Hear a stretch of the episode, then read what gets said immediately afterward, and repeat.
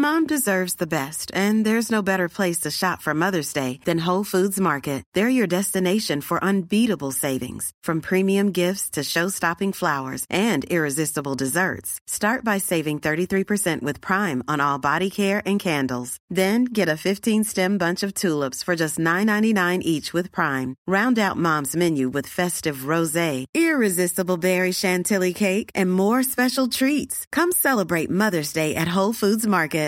This is Paige, the co-host of Giggly Squad, and I want to tell you about a company that I've been loving, Olive and June. Olive and June gives you everything that you need for a salon quality manicure in one box. And if you break it down, it really comes out to $2 a manicure, which is absolutely insane. It's also so easy to get salon worthy nails at home with Olive and June. The difference between how your nails used to look when you did them yourself and now with the Manny system is a complete game changer. The best thing about Olive and June too is it's a quick dry, dries in about one minute, lasts for five days, and full coverage in up to one to two coats. Visit oliveandjune.com slash perfectmanny20 for 20% off your first system. That's oliveandjune.com slash perfectmanny20 for 20% off your first system.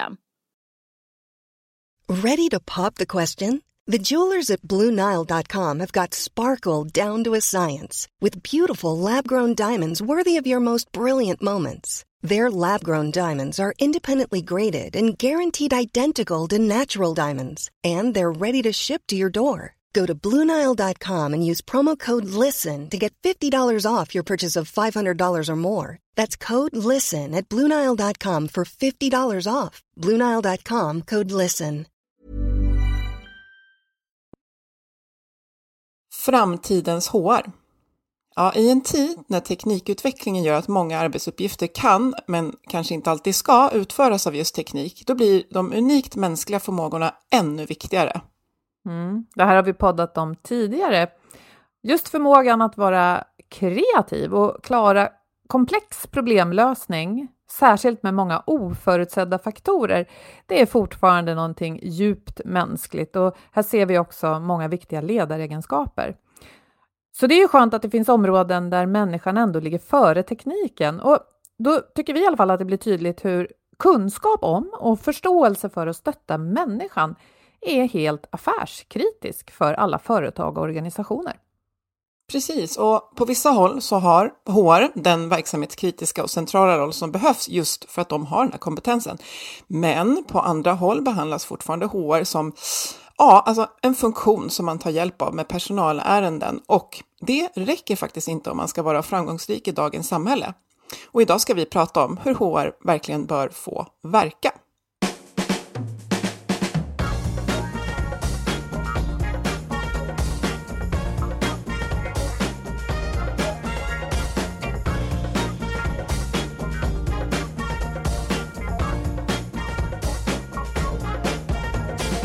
Du lyssnar på Health for Wealth. Det här är en podd om hälsa på jobbet. Och hälsa, det handlar om så mycket mer än att knapra morötter och springa runt i tights. Hälsa kan handla om bra samarbeten, att både ha en tydlig riktning och frihet att agera självständigt och trygga ledare som har tid att leda. I den här podden tar vi ett helhetsgrepp på hälsan på jobbet. Allt ifrån hur vi hanterar gränslöshet, digitalisering, stillasittande till hur vi tillsammans bygger arbetsplatser där människor både mår bra och presterar. Vi är Ann-Sofie Forsmark, jag är hälsostrateg och ledarskapskonsult och driver företaget Oxigroup. Och Boel Stier, kommunikationskonsult. Lyssna på oss för inspiration och idéer varje vecka för dig som är chef, ledare, jobbar med HR och medarbetare såklart. Vår partner Twitch Healths digitala satsning Twitch On Demand är verkligen populär. Inte konstigt. Vi, har, vi är ett år in i pandemin. Men ändå, jag tror vi har lärt oss att det här med digitala hälsosatsningar har fler fördelar än att hjälpa till i den här märkliga situationen. Ja, precis. Och som jag har sagt, det är, den heter On Demand, men jag tänker verkligen den är vid behov och tillgänglig när som helst. Jag var inne i deras app så sent som för tio minuter sedan och eh, det är så mycket mer än pass, träningspass online. Det finns föreläsningar, det finns program att följa och dessutom så bygger den in den här sociala komponenten som vi ser är så otroligt viktig för många alltid, men kanske framför allt just nu. Ja, vi pratade eh, med Twitch Healths VD Fredrik Karlsson om det här för några avsnitt sedan. Att just under det här pandemiåret har det blivit så tydligt att en hälsofaktor som många saknar just nu, det är den sociala gemenskapen. Och du kan ju det här ännu bättre än jag, Ann-Sofie, men vi vet ju att Twitch Health alltid satsar på hälsa som ett helhetsbegrepp, där vi ser till den mentala, fysiska hälsan och sociala eh, aspekten. Jag tror att du, du snackade om att du skulle kunna använda något där för dina barn, var det inte så? Ja, men jag har hittat en kurs i hållbart ätande för dig själv och planeten, tror jag det heter. Jag blev liksom eld och lågor. Eh, och eh, ja, just det tycker jag är ett liksom, tecken på hur, hur brett spektra som, som finns tillgängligt i, eh, i den här satsningen. Eh, och ja, jag vågar påstå att allt man kan behöva finns. Det, det finns såklart pass i appen eh, för styrka, kondition, mindfulness, rörlighet, paus och så vidare. Men ja, mer också. Och till exempel kan man lära sig och få tips om ergonomi. Det är något som inte minst jag känner att jag behöver när jag sitter hemma och lätt fastnar i en och samma position, liksom lite krokig så här framför datorn. Ja, precis. Och sen som sagt program då, eh, allt från hållbart ätande till eh, det är något som heter så här, enkla tips att få till hälsan hemma. Eh, man kan chatta med hälsocoach, man får, kan följa sin egen utveckling och hälsa och just det här då peppa vänner och skapa och gå med i sociala grupper. Ja, men ni hör, och det funkar för stora som små företag och ni kan läsa mer om det här på Twitch hemsida och vi länkar dit från det här inlägget på vår hemsida. Det stämmer, eller i eh, inlägget i din poddapp naturligtvis. Ja, nu till dagens ämne. Jag är så taggad, för det här har jag skrivit på en post-it för väldigt länge sedan. Framtidens HR! Utropstecken, utropstecken, utropstecken. Eh, I en studie från Net Survey, den har några år på nacken nu och det skulle vara intressant att se en uppföljning på den. Men där visade det sig i alla fall att företag som har HR i ledningsgruppen, de är bättre än andra företag på fem olika punkter. Säkert fler, men det här är fem de tar upp. Ledarskap, värderingar, tydlighet, förmågan att implementera förändringar och energin i organisationen. Mm, och vi gissar väl att det där kan ha att göra med att man ser människan som en viktig tillgång i de här organisationerna. Vad gäller punkten ledarskap så visar den här studien att ledarskapet graderas hela 17 punkter högre på en 100-gradig skala i företag där HR sitter i ledningsgruppen. Och i de här företagen har medarbetarna också högre kännedom om företagets värderingar och kan i högre utsträckning identifiera sig med dem. Mm, och det här känns extra viktigt idag, i dessa tider vi är i. Det är också intressant att ha med en studie som The Cognizant Center for Future Work and Future Workplace gjorde, den var lång. Och där identifierade man flera nya roller som HR behöver fylla för den moderna organisationen. Och den här har eh, Harvard Business Review, som vi ju älskar, i sin tur fångat upp i en artikel som vi ska länka till, för den är så otroligt läsvärd. Ja, det fanns ju några intressanta roller där, eller hur Boel? Ja, bland annat Director of Wellbeing, Future of Work Director, A, eh, HR Data Detective. Detective! Ja, men åh, jag blir, mm. jag blir sugen på sån här. jag vill vara en detektiv. Och det här då, Human Bias Officer. Ja, det finns många fler. Ja, och det här är så intressant att prata om och vi har den absoluta perfekta gästen idag, Lena Bjuner, generalsekreterare på Sveriges HR-förening. Välkommen Lena! Va, vad gör du för spontan reflektion kring vår inledning? ja, men, tusen tack! Eh, ja, jag sitter bara och njuter av att lyssna på er måste jag säga. Och eh, tycker att de här rapporterna som ni hänvisar till är ju superintressanta. Eh, den första hade jag faktiskt inte hört, men det var ju jättespännande data där från ja, något år tillbaka, men eh, säkert än mer relevant idag skulle jag kunna tänka mig. Eh, men sen den här med eh, 21 HR Jobs for the Future som Harvard Business Review har eh, tagit fram är ju riktigt intressant. Jobbar man med HR så bör man läsa den. Inte bara för de här roliga namnen som de sätter på våra eh, våra roller framöver, utan ännu mer för vad det är de berättar om och eh, beskriver att vårt område kommer att allt mer fyllas med under de närmaste 5 till 10 åren. Mm. Och vad skulle du säga är den stora förändringen som sker nu för alla som jobbar med HR i behov? Jag tycker den stora förändringen är att eh, vi var ju tidigare en liksom, funktion som eh, levererade utifrån liksom, vår profession. Vi hade ett antal eh, delar som vi, eh, som vi ansvarade för med kompensation och arbetsrätt och förhandlingar med facket och arbetsmiljö.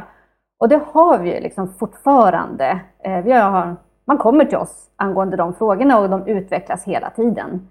Eh, men det som jag tycker under senare år har blivit så tydligt, det är vikten av att liksom HR tar ett, ett bredare grepp eh, och verkligen hjälper sin organisation i de stora omställningarna, att vi sätter människan, medarbetaren, giggaren, den som är på plats eh, i centrum och förstår hur man kan bidra till den utveckling som i princip alla organisationer går igenom, men där man bibehåller och verkligen sätter eh, människan i centrum och hälsa, välmående, social hållbarhet. Jag tror att det är en, eh, en roll vi har haft under en längre tid, men den har blivit än mer tydlig de senaste åren och med en jätteacceleration nu under pandemin, där HR verkligen har kommit i ljuset.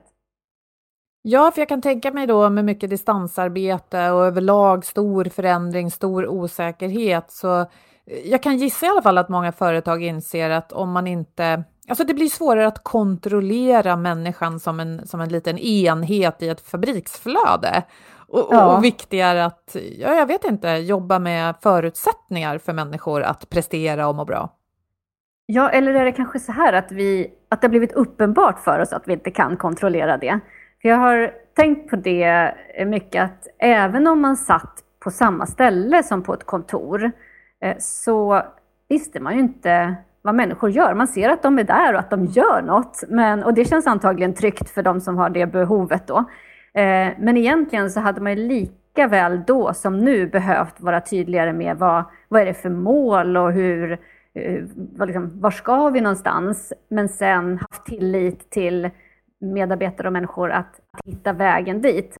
Och om man inte gjorde det innan när man satt på samma plats så har man ju blivit väldigt varse nu att eh, det är så man behöver göra för att arbetet ska göras. Så eh, tillit har ju verkligen satts i centrum under den här pandemin som, som en, eh, ett måste för att en kultur och ett arbete ska fungera. Ja, och det där är intressant för vi har pratat om det lite tidigare, bland annat med eh, Boel Sjöstrand, va? Mm. Och, och det här att många, har, många ledare har en slags, ja men kanske föråldrad syn på ledarskap, att det handlar om att så här, eh, höka lite över och kontrollera och se till att allt blir som man vill. Eh, och, och, att det som har hänt nu så gör det så tydligt att vi behöver använda tillit, men, men då är det också ännu viktigare med tydlighet och att var och en behöver ta ett större ansvar. Så det är ju lite grann i vissa organisationer kanske att skriva om arbetsbeskrivningar för olika roller, eller?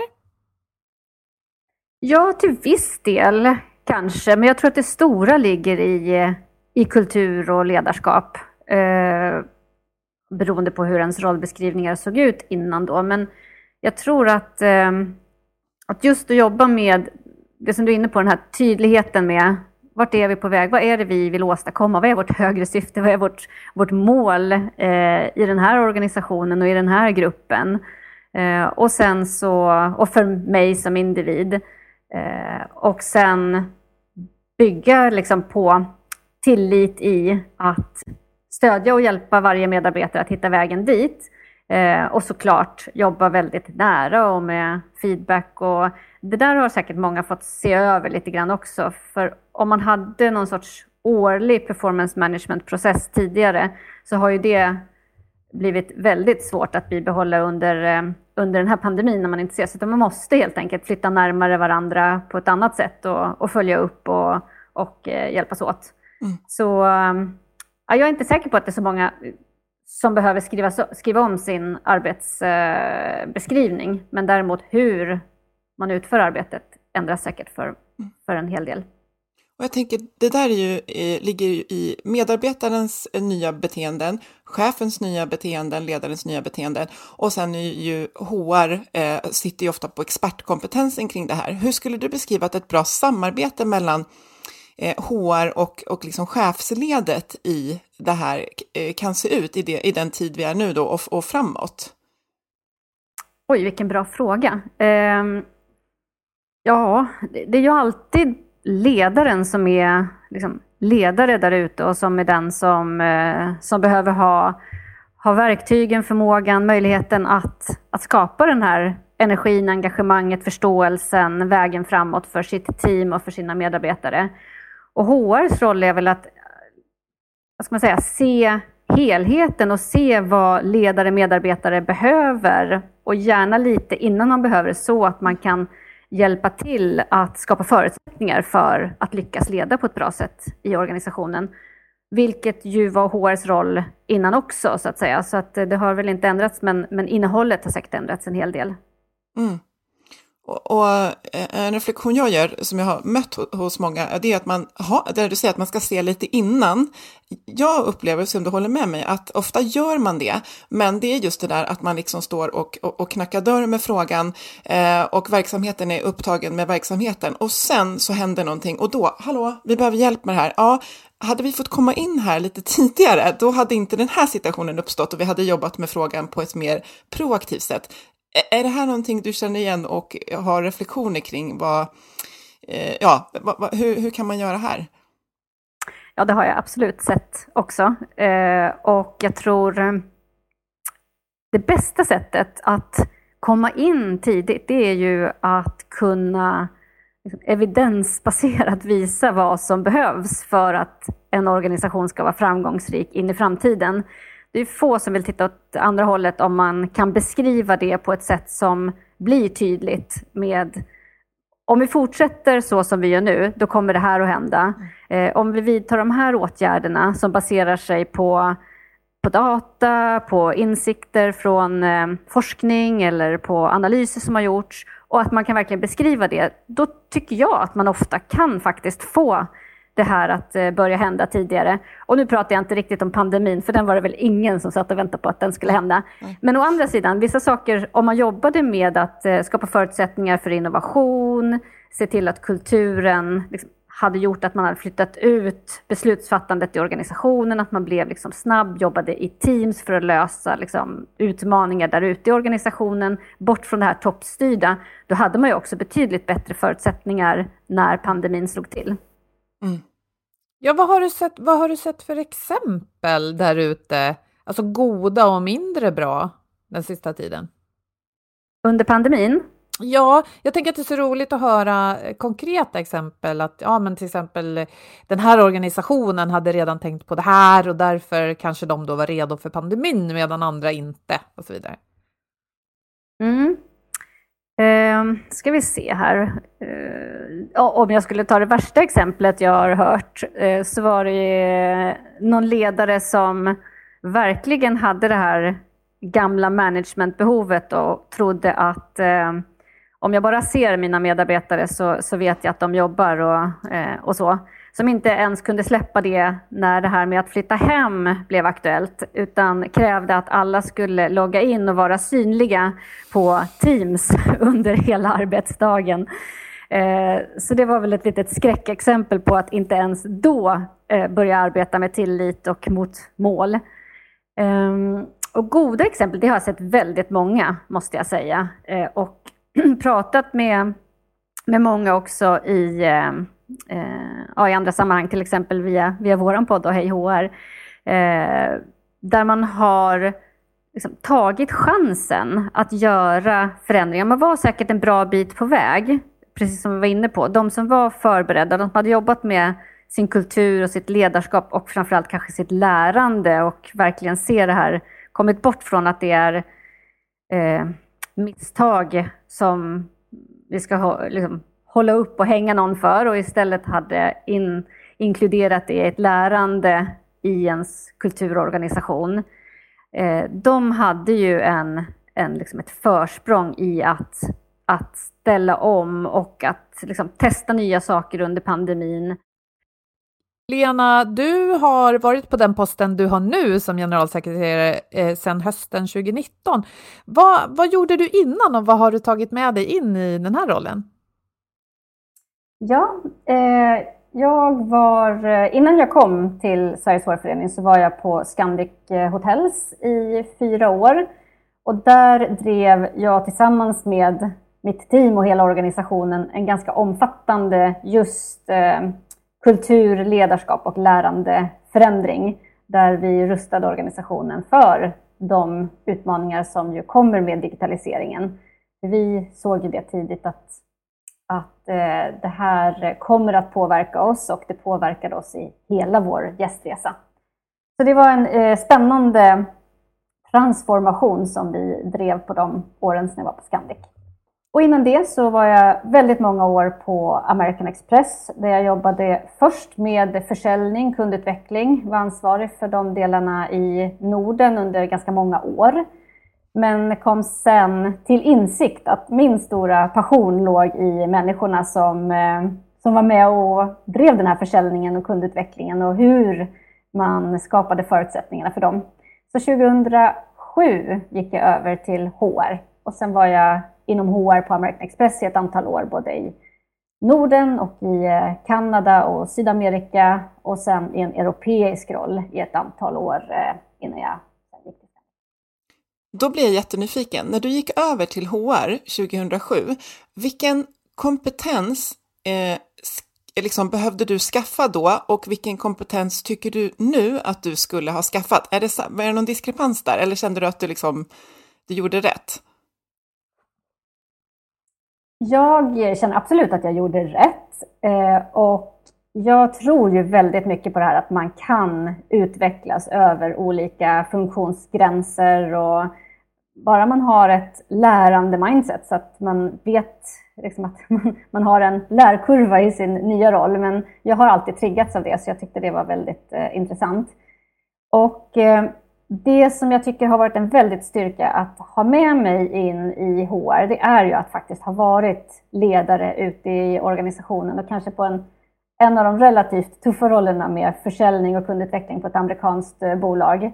Så eh, jag känner att jag har, jag har mycket med mig i att veta hur det är att driva den typen av verksamhet.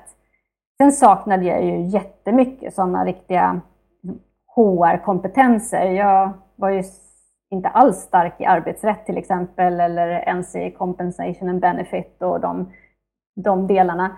Eh, så det fick jag försöka lära mig. Sen kommer jag nog aldrig att vara en expert på de områdena utan jag är nog mer av en generalist och en, eh, en HR-person som, som ser till helheten och tar hjälp av de delar som jag inte är expert på. Man behöver inte kunna allt i detalj. Jag, jag relaterar därför att jag eh, jobbade ju på PVC tidigare och eh, eh, fick ju efter en mammaledighet och lite ja, diskussioner internt så fick ju jag en roll inom HR och jag liksom gjorde liksom ett mentalt kors i taket så jag hade aldrig trott att jag skulle jobba inom HR. Jag var ju civilekonom i grunden och också hade jobbat med strategiska hälsofrågor länge och var jättenervös för min avsaknad, tyckte jag, av kompetens inom de frågorna som jag också lite förutfattat tänkte att man måste ha för att jobba inom HR. Och det var ju inga problem. Sen så stärkte jag upp inom vissa saker, men kompoben för mig är fortfarande ett mysterium. Eh, mm. och jag kan inget om rekrytering och sådär, så att det var så intressant att höra eh, din reflektion kring det med din bakgrund. Men om vi tänker där vi är nu då, och så pratade vi om de här 21 eh, lite lustigt benämnda rollerna framöver, men de står för en väldigt relevant kompetens som vi ser att HR behöver. Eh, vad skulle du säga att eh, dagens HR som tittar på att kompetensrusta sig och vara i ständigt lärande ska fokusera på att, eh, att lära sig nu och framåt? Inom HR eller ja. i organisationen? I ja, för att stötta organisationen på det ja, som, som vi vill. Liksom, som, ja, men ja. precis. Um Ja, men här tänker jag som så att eh, den, den, stora förändringen som de flesta går igenom, det är ju just den som har med digitaliseringen och ja, för all del införandet av AI att göra. Och i den så kommer det större förändringar för HR att eh, fokusera på. Eh, för att hela kartan kommer att ritas om. Och då tänker jag att eh, man inom HR måste skaffa sig förmågan att se hela organisationen, att jobba nära ledare på olika plan och i olika delar för att, för att tillsammans kunna sätta liksom en vision för hur det här kommer att kunna se ut där i framtiden. Och sen därifrån göra liksom kartan bakåt och att eh, sen tänka till på då vilka kompetenser kommer vi att behöva längre fram och när kommer vi att behöva dem? Eh, hjälpa medarbetare att kunna rusta sig för att lära sig de kompetenserna eller se om man behöver komma ta in gig eller eh, andra typer av ekosystem eller så längs med vägen. Så man måste ha en ganska omfattande förmåga att se hela organisationen som HR. Så om man inte har det så behöver man skaffa sig den förmågan i sitt, eh, i sitt team. Och sen som sagt jobba med kultur, lärande, utveckling Ehm, och ha ett, en modern syn på hur man gör det. Och det tror jag många har skaffat sig nu under pandemin också. Tidigare kunde det kännas att det var lite motstånd att gå bort ifrån det här med klassrumsträningar och att man skulle åka iväg. Skulle man lära sig något var man tvungen att åka på kurs. Så är det ju liksom by default inte så mycket längre. Så att jag tror att där fick det en skjuts framåt i att vi behöver lära oss i vardagen, vi behöver lätt kunna ta till oss, vi behöver lära av de som kan ett område. Och hela den här lärandekartan behöver HR också kunna hantera och det som vi ofta pratar om idag också med livslångt lärande. Och det är ju någon av de här eh, rollerna i, bland de 21 rollerna som Harvard Business Review tar fram som heter någonting med Lifelong University Director eller något sånt där. Så att, eh, det är ju en, en, en, viktig roll för HR att ha och en kompetens. Mm. Och sen det som, som ni säkert med tanke på namnet på er podd tänker mycket på, att ska vi lyckas framåt så måste vi sätta hälsa och välmående i, i mitten av vår strategi. Inte som det kanske tidigare på, på många ställen har varit att vi har tillåtit att vara någonting lite nice to have, lite någonting som vi puttar in för att, för att det ska bli liksom, fint eller att vi ska ha något hälsosamt med. Utan verkligen tänka, hur skapar vi en organisation som utgår ifrån att människor mår bra och kan liksom prestera genom det. Um, och här har vi också en unik chans tycker jag nu i och med pandemin att liksom bygga upp någonting nytt när vi bygger tillbaka, så att säga. Build back to the better, låter lite ja. bättre på engelska när man försöker säga det på svenska. Men, eh, men verkligen att se till att, att ta den här chansen att skapa någonting som vi inte hade innan, men som vi kan mm. ha efter. Så det behövs också de kompetenserna och sen inte minst också allt som vi behöver tänka på kring eh, mångfald, inkludering. För vi är redan i traditionell bemärkelse eh, många fler olika eh, aspekter eller vad man ska säga eh, inom våra organisationer med fler generationer än någonsin på arbetsmarknaden och eh, en bredd i etnicitet och så vidare. och så vidare. Men vi har också komplexiteten nu kring att allt fler kommer att vara giggare, komma in tillfälligt, göra en eh, ett gig eller en del av vår verksamhet och som kanske också ska kopplas ihop med AI och sen medarbetare. Och det behöver verkligen tänkas till på hur, hur det ska fungera och hur man inkluderar alla. Mm. Så ja, jag vet inte, det var kanske ett långt svar på din fråga, men, men HR behöver eh, fundera över nya kompetenser för att kunna leda det här ganska komplexa arbetet framåt. Här skulle jag vilja lägga till eh, någonting som jag läste för ett tag sedan i en ny rapport som kom från Deloitte, där man har undersökt efter pandemin, eller nu i pandemin, Eh, hur förtroendet är för HR att leda sådana här komplexa frågor. Och där kunde man se att både ledare och VD och andra i organisationen har ett större förtroende för HR när det gäller de här frågorna nu än vad man hade innan vi gick in i pandemin. Och även HR själva har ett större förtroende för att man klarar av och kan, kan driva det. Så att det finns all möjlighet att eh, fortsätta härifrån och ta oss till en plats där vi inte var när vi gick in. Det, det, låter lite som att just i pandemin så blev det så, eh, då blir det att man vänder sig till HR, för det är så många sådana frågor som praktiskt berörs och det här blir en möjlighet att just med det här eh, ökade förtroendet eh, hos sig själva och från organisationen. Passa på här och smida när järnet är varmt för att kunna vara där man vill vara i, eh, centralt i verksamheten kanske, för de som känner att de inte är där just nu i sin organisation. Precis så. Så om man sammanfattar, eller sammanfattar, men jag tänker att några eh, så här, ämnesområden som poppar upp i min skalle i alla fall nu, det är det här med att sätta hälsa i centrum, som du säger, för medarbetarna. digitaliseringen med allt vad det innebär. Och det här med någon slags diversifiering som både tänker jag då eh, innehåller den här ökade mångfalden generellt eh, angående vilka vi är som är på en arbetsplats och vilka vi är som vi vill ha in eh, och sluta liksom hålla upp barriärer mot. Men sen det här mm. också att arbetsplatsen är ju på väg mot ett helt nytt utseende där vi inte riktigt vet vad vi kommer landa i. Nej. Och jag antar att det här är någonting som, som upptar er tid mycket nu, Lena. Ja, men det här att Eh, de mest kända exemplen är väl att Spotify till exempel har gått ut och sagt att man ska kunna jobba varifrån som helst. Andra företag har då kontrat och sagt att nej, vi ska verkligen satsa på den fysiska arbetsplatsen. Och sen att man ser då att förutom giggare så kanske vi kommer sitta en bild som fastnade eh, hos mig efter ett tidigare avsnitt var det här att vi kanske jobbar i hubbar där vi sitter tillsammans med dem som, som inte jobbar på samma företag utan som bara är geografiskt nära, som kan jobba med vad som helst. Och sen har vi den rent liksom, arbetsmässiga kontakten med folk var som helst i en annan slags hubb men som då är digital. Mm.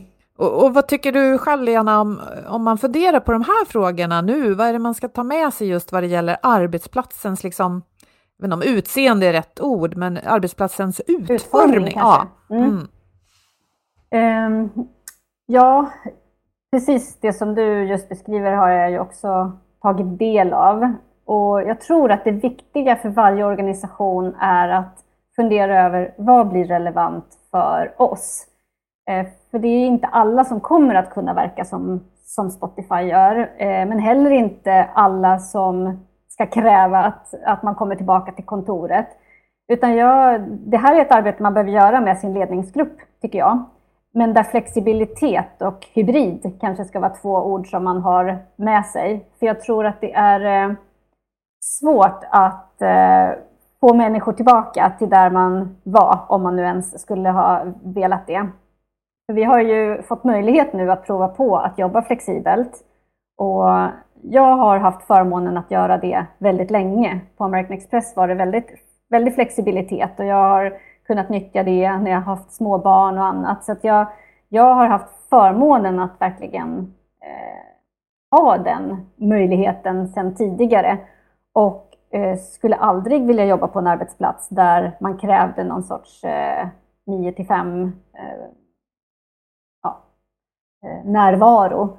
Och nu har ju i princip alla fått den möjligheten att se hur det känns när man får vara flexibel, när man kan välja i framtiden att gå in, men man kan också välja att stanna. Och då tror jag att det kommer de allra flesta att vilja ha, flexibiliteten kvar. Men sen kan det se olika ut, hur man bygger upp det, vad man har för guiding principles eller vad man skaffar för, för liksom, eh, förhållningssätt till det. Och framför allt hur ledare tänker på att fortsatt hålla ihop sina team. Eh, för man hade väl ett sätt att göra det innan vi hamnade i den här situationen med pandemin. Eh, under pandemin har man byggt upp ett sätt att, eh, att se till att man hörs och ses och har kontakt och skapar engagemang. Sen kommer vi in i en ännu ny fas när vi navigerar ur pandemin och då måste man tänka till en gång till så att man inte tror att det går tillbaka till det vanliga. För då tror jag att man kommer tappa kontakt med varandra. Så att man måste som team jobba igenom hur ska det se ut för oss när vi kan välja eller när vi jobbar med i en hybrid. Och, och sätta lite, lite principer och lite, eh, ja, lite hur vi jobbar tillsammans i den nya världen. Mm. Jag tänkte på en sak som, eh, och nu går jag lite grann tillbaka, men när vi pratade om HRs roll och, och de frågor så radade vi upp väldigt många redan där, men vi, vi tänkte vi missade en som jag verkligen vill, eh, vill lyfta in. Och det är den som handlar om eh, etik. För att det kommer att bli så viktigt framåt när vi fortsätter med den digitala utvecklingen och, eh, och när vi ser allt mer AI komma in på våra arbetsplatser så behöver någon hela tiden ställa sig frågan vad, vad gör vi med den här datan? Eh, vilka ska kunna se den? Vad är, vad är rimligt att vi använder den till? För bara för att vi har möjligheten så är det inte säkert att vi ska utnyttja den. Och här tycker jag att HR har en jätte, jätteviktig roll när det gäller etik och integritet kring, mm. kring hur vi använder eh, Eh, ja, data och eh, den information som vi kan få. Jag är lite nyfiken där på hur du ser AI som begrepp inom HR, Lena. För när jag tänker på AI, i första hand tänker jag på diverse tjänster i min telefon, i min dator som liksom på eget bevåg samlar data om mig och kanske föreslår i ett ordbehandlingsprogram föreslår den rättstavning baserat på vad jag brukar skriva om. Eh, I en webbshop kanske jag får förslag på sånt jag brukar handla eller brukar gilla. Ja, men sådär va. Och i, inom en HR-kontext, vad, vad ser du för både möjligheter och fallgropar då, etiska kanske? Men om vi tittar på jag ändrar min fråga. Vad ser du att företag redan nu har börjat använda för AI kopplat till HR? Mm. Eh, kopplat till, eller för det första, om jag, jag kommer tillbaka till den frågan, men bara jättekort så ser jag att HR har nästan som två roller när det gäller AI. Eh, den ena gäller liksom hela organisationens införande av AI och vad det innebär utifrån det som vi har varit inne på med liksom, hur bygger vi eh, samarbetet, den, den liksom, eh, kollektiva intelligensen när det ska ingå både AI och human eh, intelligens. Hur får man det att samarbeta? Eh, där vi, ja, allt vi har varit inne på med liksom, kultur, ledarskap, ehm, den lärandet och så. Och här, liksom, här ser jag HRs jätteviktiga roll i hela organisationen och att man jobbar ihop med IT och, och själva verksamhetsansvariga ehm, för att vi inte ska tappa bort att det faktiskt fortfarande är människan som är den viktigaste i organisationen och hur vi får människan att att vi tänker på det först och hur vi kopplar ihop det med teknik och inte tvärtom att det här blir en IT-fråga och man skapar en massa mm. system som vi människor sen ska anpassa oss in i. Så det är det ena. Men sen tror jag din fråga var mer riktad till den andra delen, vilket är hur kan AI tas in i HR-organisationen och nyttjas där? Och här finns det på exempel på flera olika områden. Vi har sett det en hel del inom rekrytering. Eh, jag fick själv möjlighet att testa och bli intervjuad av en eh, AI-robot, vilket var intressant.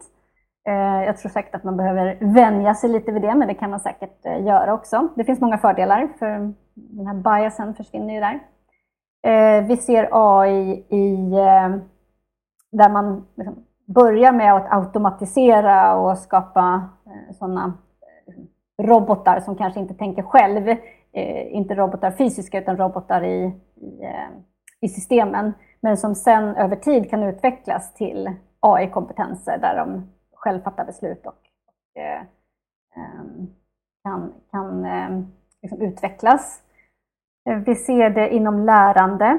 Eh, där eh, det blir lite mer Netflix-baserat, att man kan plocka ihop eh, lärandet utifrån dit man är på väg och här hörde jag IBM hade gjort en intressant koppling mellan rekrytering och lärande. Att man hade kopplat ihop de två. Så när, när man, blev, man rekryterades in med vissa kompetenser och skulle utföra ett arbete. Sen hade man en AI-baserad eh, utvecklingsmotor som sen började att föda liksom, mig då med förslag på vad jag skulle kunna ta och, och utveckla mig inom. Och när jag hade gjort det så kom också förslag på nya roller som, som min nya kompetens passade för. Och att det här var eh, AI-baserat bakom. Det tyckte jag var väldigt intressant och ja, men lite ett eh, spännande sätt att se på hur man kan använda den där tekniken inom HR och lärande. Mm. Åh, får jag bryta in det? Jag tycker det är jätteintressant att tänka att eh, medan en medarbetare utvecklas, för det gör vi ju alla egentligen, eh, så kan det ibland vara svårt att eh, uppmana kraften och modet att kanske föreslå för sin chef att jag vill eh, utvecklas till den där rollen eller jag vill klättra eller sådär, om det inte finns väldigt tydliga karriärtrappor och allt vad det heter. Men om en, en AI-robot säger nu börjar du likna någon som skulle kunna ta ett större ansvar här. Det kan ju faktiskt underlätta. Men då, by, då mm. bygger det på att AI är, ja vad ska man säga, väldigt faktabaserad och heller inte missar någonting. Ja, och det och etiskt uppbyggd. Ja, ja. och inte Så upprepar att, ehm, gamla fördomar och sånt där. Då, då. Exakt. Nej, vi har ju sett eh, de exemplen också när det inte blir så bra. Eh, när just, det var väl Amazon som eh, byggde den eh, rekryterings-AI-roboten ja, som baserades på historisk eh, data på mm. vad som hade varit framgångsrikt och vilket då visade sig att ja, det var ju män som hade varit framgångsrika. Så att de var de enda som hade släppts fram? Bekräftade egentligen mm. att man ja. fortsatte leta efter det då. Precis. Så eh, det gäller ju, precis som vi var inne på innan, att vara varse med datan och tänka till eh, hur den ska användas och vilka potentiella risker det finns med att använda den här datan. Det, det blir jätteviktigt när man sätter de här i verket. Det är som om vi pratar med självkörande bilar. Vi skulle ju aldrig liksom bara skicka ut dem och hoppas att det funkar, utan man man måste ju verkligen tänka till på hur beslutsfattandet ska ske i den där självkörande bilen innan vi sätter den på gatan. Ja, att koppla till de mål som vi människor anser är värdefulla och, mm. och, inte nödvändigtvis låta maskinerna ta över målsättningen. Men jag blir intresserad och nyfiken på när du sa att du lät dig intervjuas av en, en sån här bot av något slag. Kan inte du berätta hur det var? Ja, det var den här Tengai roboten som eh, eh, Eh, vi har nämligen en utbildning inom Sveriges HR-förening som heter AI plus HR är lika med sant. Och där lyfter vi ett antal exempel. Vi har spelat in filmer med ett antal exempel på där AI används eh, inom HR idag. Och då var det bland annat med Tengai och den roboten. Så då passade jag på att testa att bli, eh, att bli intervjuad. Eh, Ja, det finns dokumenterat på min Instagram om det är någon som skulle gå in och titta. Men eh, det var, eh, ja, det, hur ska jag säga, det var liksom intressant för att Kände du att du kunde ja, ställa följdfrågor? Liksom någon sorts, vad sa du? Förlåt, nu avbröt jag, men kände du att du kunde ställa följdfrågor till en maskin eller? Ja. Nej, det kunde man ju inte. Och det som var framförallt, där vi missuppfattade varandra kanske man kan säga, det var att den här AI-roboten, när jag svarade så, så liksom lutade den lite på huvudet och sa mm. Och vilket jag tolkade som lite så besviken på mina svar. Men som skulle vara ett bekräftande att eh, man hade hört att jag, att jag hade sagt någonting. Så det, ja, det var bara väldigt intressant och som, som sagt, man vänjer sig säkert. Första gången man intervjuas så blir man lite så här, eh, ja, nybörjare på att förstå hur det där fungerar. Men Eh, man vänjer sig säkert och jag tycker att det finns fördelar definitivt eh, med det också.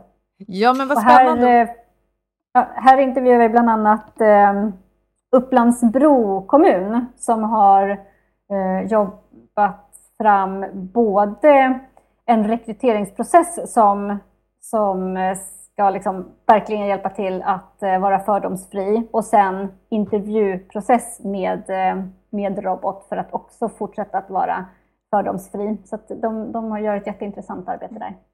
Jag tänker att allt det här talar egentligen ännu mer till vikten av HRs kompetens, precis det du säger, att förstå vad som händer bakom datan, att kunna titta på processerna och se eh, när behöver vi säga stopp och när, vad kan vi liksom använda AI till till exempel. Och eh, jag tänkte på de, alla de här rollerna som rabblades upp, det var ju någon som hette HR Data Detective, men kanske också HR Data ethics manager eller någonting som liksom har det här ja. synsättet hela tiden. Så otroligt viktigt. Så att, eh, det känns ju som att allt vi har pratat om idag talar ju väldigt mycket för det här med att, att HR är liksom självskriven i ledningsgrupp, självskriven i navet av att driva organisationerna framåt därför att eh, kompetensen finns där om vad man behöver tänka på. Och det har accelererats under pandemin. Eh, järnet är varmt, eller vad man ska säga. Eh, och att jag tänker också att ni eh, som HR-förening är ju en väldigt viktig part för många, att, att, känna det här stödet i att få bolla och också få eh, liksom, kompetenshöja inom det moderna HR-arbetet. Mm. Ja, det är våran, eh, våran vision och mission, att eh, finnas där och att vi tillsammans utvecklar HR och därmed organisationerna. Mm. Eh, så att, eh, det, är, eh, det är en väldigt rolig plats att vara på mm. i dessa tider. Ni har att göra. Mm. Det låter så. Jag tycker själv att det är jättespännande med, med just de här framtidsfrågorna och vissa delar av framtiden är så att säga redan här med digitalisering och AI och allt vad det är. Eh, och det ska bli jättekul att se vad som händer. Vi firade nyss fem år av poddande. Vi tänker podda minst lika länge till, vad, vad vi vet mm. idag i alla fall. Gud vad roligt, grattis! Vad länge ni har hållit på. Ja, nej, men vi känner ju att eh, vissa frågor är ju liksom de samma och återkommer man till hela tiden vad det gäller mm. människor och hur vi vill liksom interagera och vad, vi vad människan behöver så att säga. Medan mm. sånt här vi pratar om nu, där hinner vi flytta på oss väldigt mycket på bara fem år och det ska bli mm. otroligt intressant att se vad vi är om fem år till. Eh, Verkligen. Eh, ja, nej men mm. tusen tack Lena för att du ville vara med ja, här idag. Tack. Får jag bara flika in en sak, om vi pratar femårsperspektiv där, så eh, vi firar ju 100 år i år som mm. Sveriges HR-förening. Och eh, det gör att vi har blickat tillbaka ganska mycket. Vi kommer snart att börja dra igång och, och prata en hel del om både vår historia och framför allt var vi vill framåt. Eh, men det är otroligt spännande när man tittar på vilka frågor det var som vi fokuserade på vid starten för hundra ja. år sedan. Då var det Kerstin Hesselgren som ja. kickade igång. hon var i sig en pionjär och riktigt spännande person, första kvinnan i riksdagen. Men eh, då visade det sig att hon startade föreningen för att skapa ett nätverk, för att vi skulle kunna lära av varandra, vi som jobbar med de här frågorna kring människor. Man skapade en utbildning och det fanns tre stycken spår från början. Det ena var arbetspsykologi, arbetsledning och arbetshygien. Wow. Även om de heter kanske lite ja. annorlunda saker så kan man ju känna igen sig mm. i de områdena också idag med, med liksom, ja, psykologi, hur vi, hur vi liksom, eh, arbetar bäst tillsammans, ledarskap och hälsa och välmående. Mm. Eh, och sen fokuserar man väldigt mycket på jämställdhet och kvinnors roll i arbetslivet eh, i den här föreningen. Så att, ja. eh, det är så himla intressant. För så annorlunda frågor är det ju inte idag, även om svaren är väldigt annorlunda och det vi behöver ja. göra tillsammans är annorlunda. Men, men liksom utmaningarna kring att vara människa och organisation är ju liksom ändå lite de samma. Ja, det är faktiskt superhäftigt. Mm. Och känna att man jobbar i en organisation där liksom, målet på något sätt består, att, men att verkligheten förändras och man får anpassa sig. Det är ju Ja, det är Precis så. nog där många eh, känner att de är, även om man inte har funnits i hundra år. Att eh, det handlar om att anpassa sig till en ny verklighet och fortsätta att jobba, ofta i alla fall, för det man har jobbat för även tidigare. Mm. Och, eh, ja, nej, men jag passar på att berätta att man kan ju förstås lära sig mycket av er. Ni har en tidning och andra eh, jättemånga resurser vad gäller just information och lärande. Mm. Och ja, nej men tack Lena, det här har varit ett jätteintressant samtal. Vi får säkert anledning att återkomma och det här med att spana både framåt och bakåt har varit väldigt nyttigt tycker jag. Mm. Tack så jättemycket, superkul att få vara med. Tack. Vår samarbetspartner Motivation.se, de har många artiklar som handlar om ledarskap, medarbetarskap och om HR. Och idag har vi valt en artikel som vi faktiskt lånade info från i inledningen, så den ska jag skicka till Lena förstås. Ja, och den heter Många fördelar med HR i ledningsgruppen och vi länkar naturligtvis till den från det här inlägget i din poddapp eller på vår hemsida. Och med det tackar vi våra samarbetspartners Twitch Health, Motivation.se och Agda Media för den här produktionen. Följ oss gärna på LinkedIn och kommentera på våra inlägg och säg hej så hörs vi! Och vi är tillbaka om en vecka igen. Må så gott! Hej då!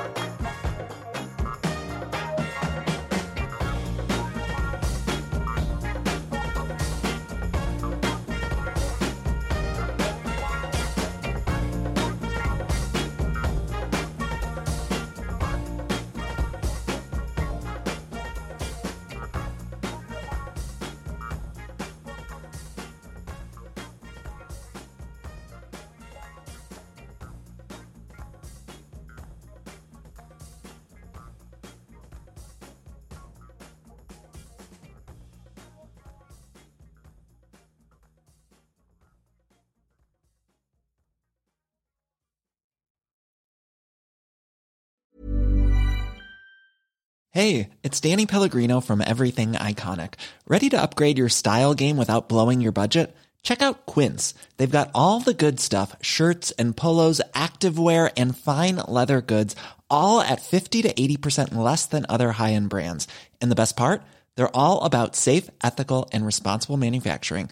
Get that luxury vibe without the luxury price tag. Hit up quince.com slash upgrade for free shipping and 365 day returns on your next order. That's quince.com slash upgrade. A lot can happen in three years, like a chatbot may be your new best friend. But what won't change? Needing health insurance. United Healthcare Tri Term Medical Plans, underwritten by Golden Rule Insurance Company, offer flexible, budget friendly coverage that lasts nearly three years in some states. Learn more at uh1.com. Imagine the softest sheets you've ever felt. Now imagine them getting even softer over time. That's what you'll feel with Bowl and Branch's organic cotton sheets. In a recent customer survey, 96% replied that Bowl and Branch sheets get softer with every wash. Start getting your best night's sleep in these sheets that get softer and softer for years to come. Try their sheets with a 30-night guarantee. Plus, get 15% off your first order at bowlandbranch.com. Code BUTTERY. Exclusions apply. See site for details.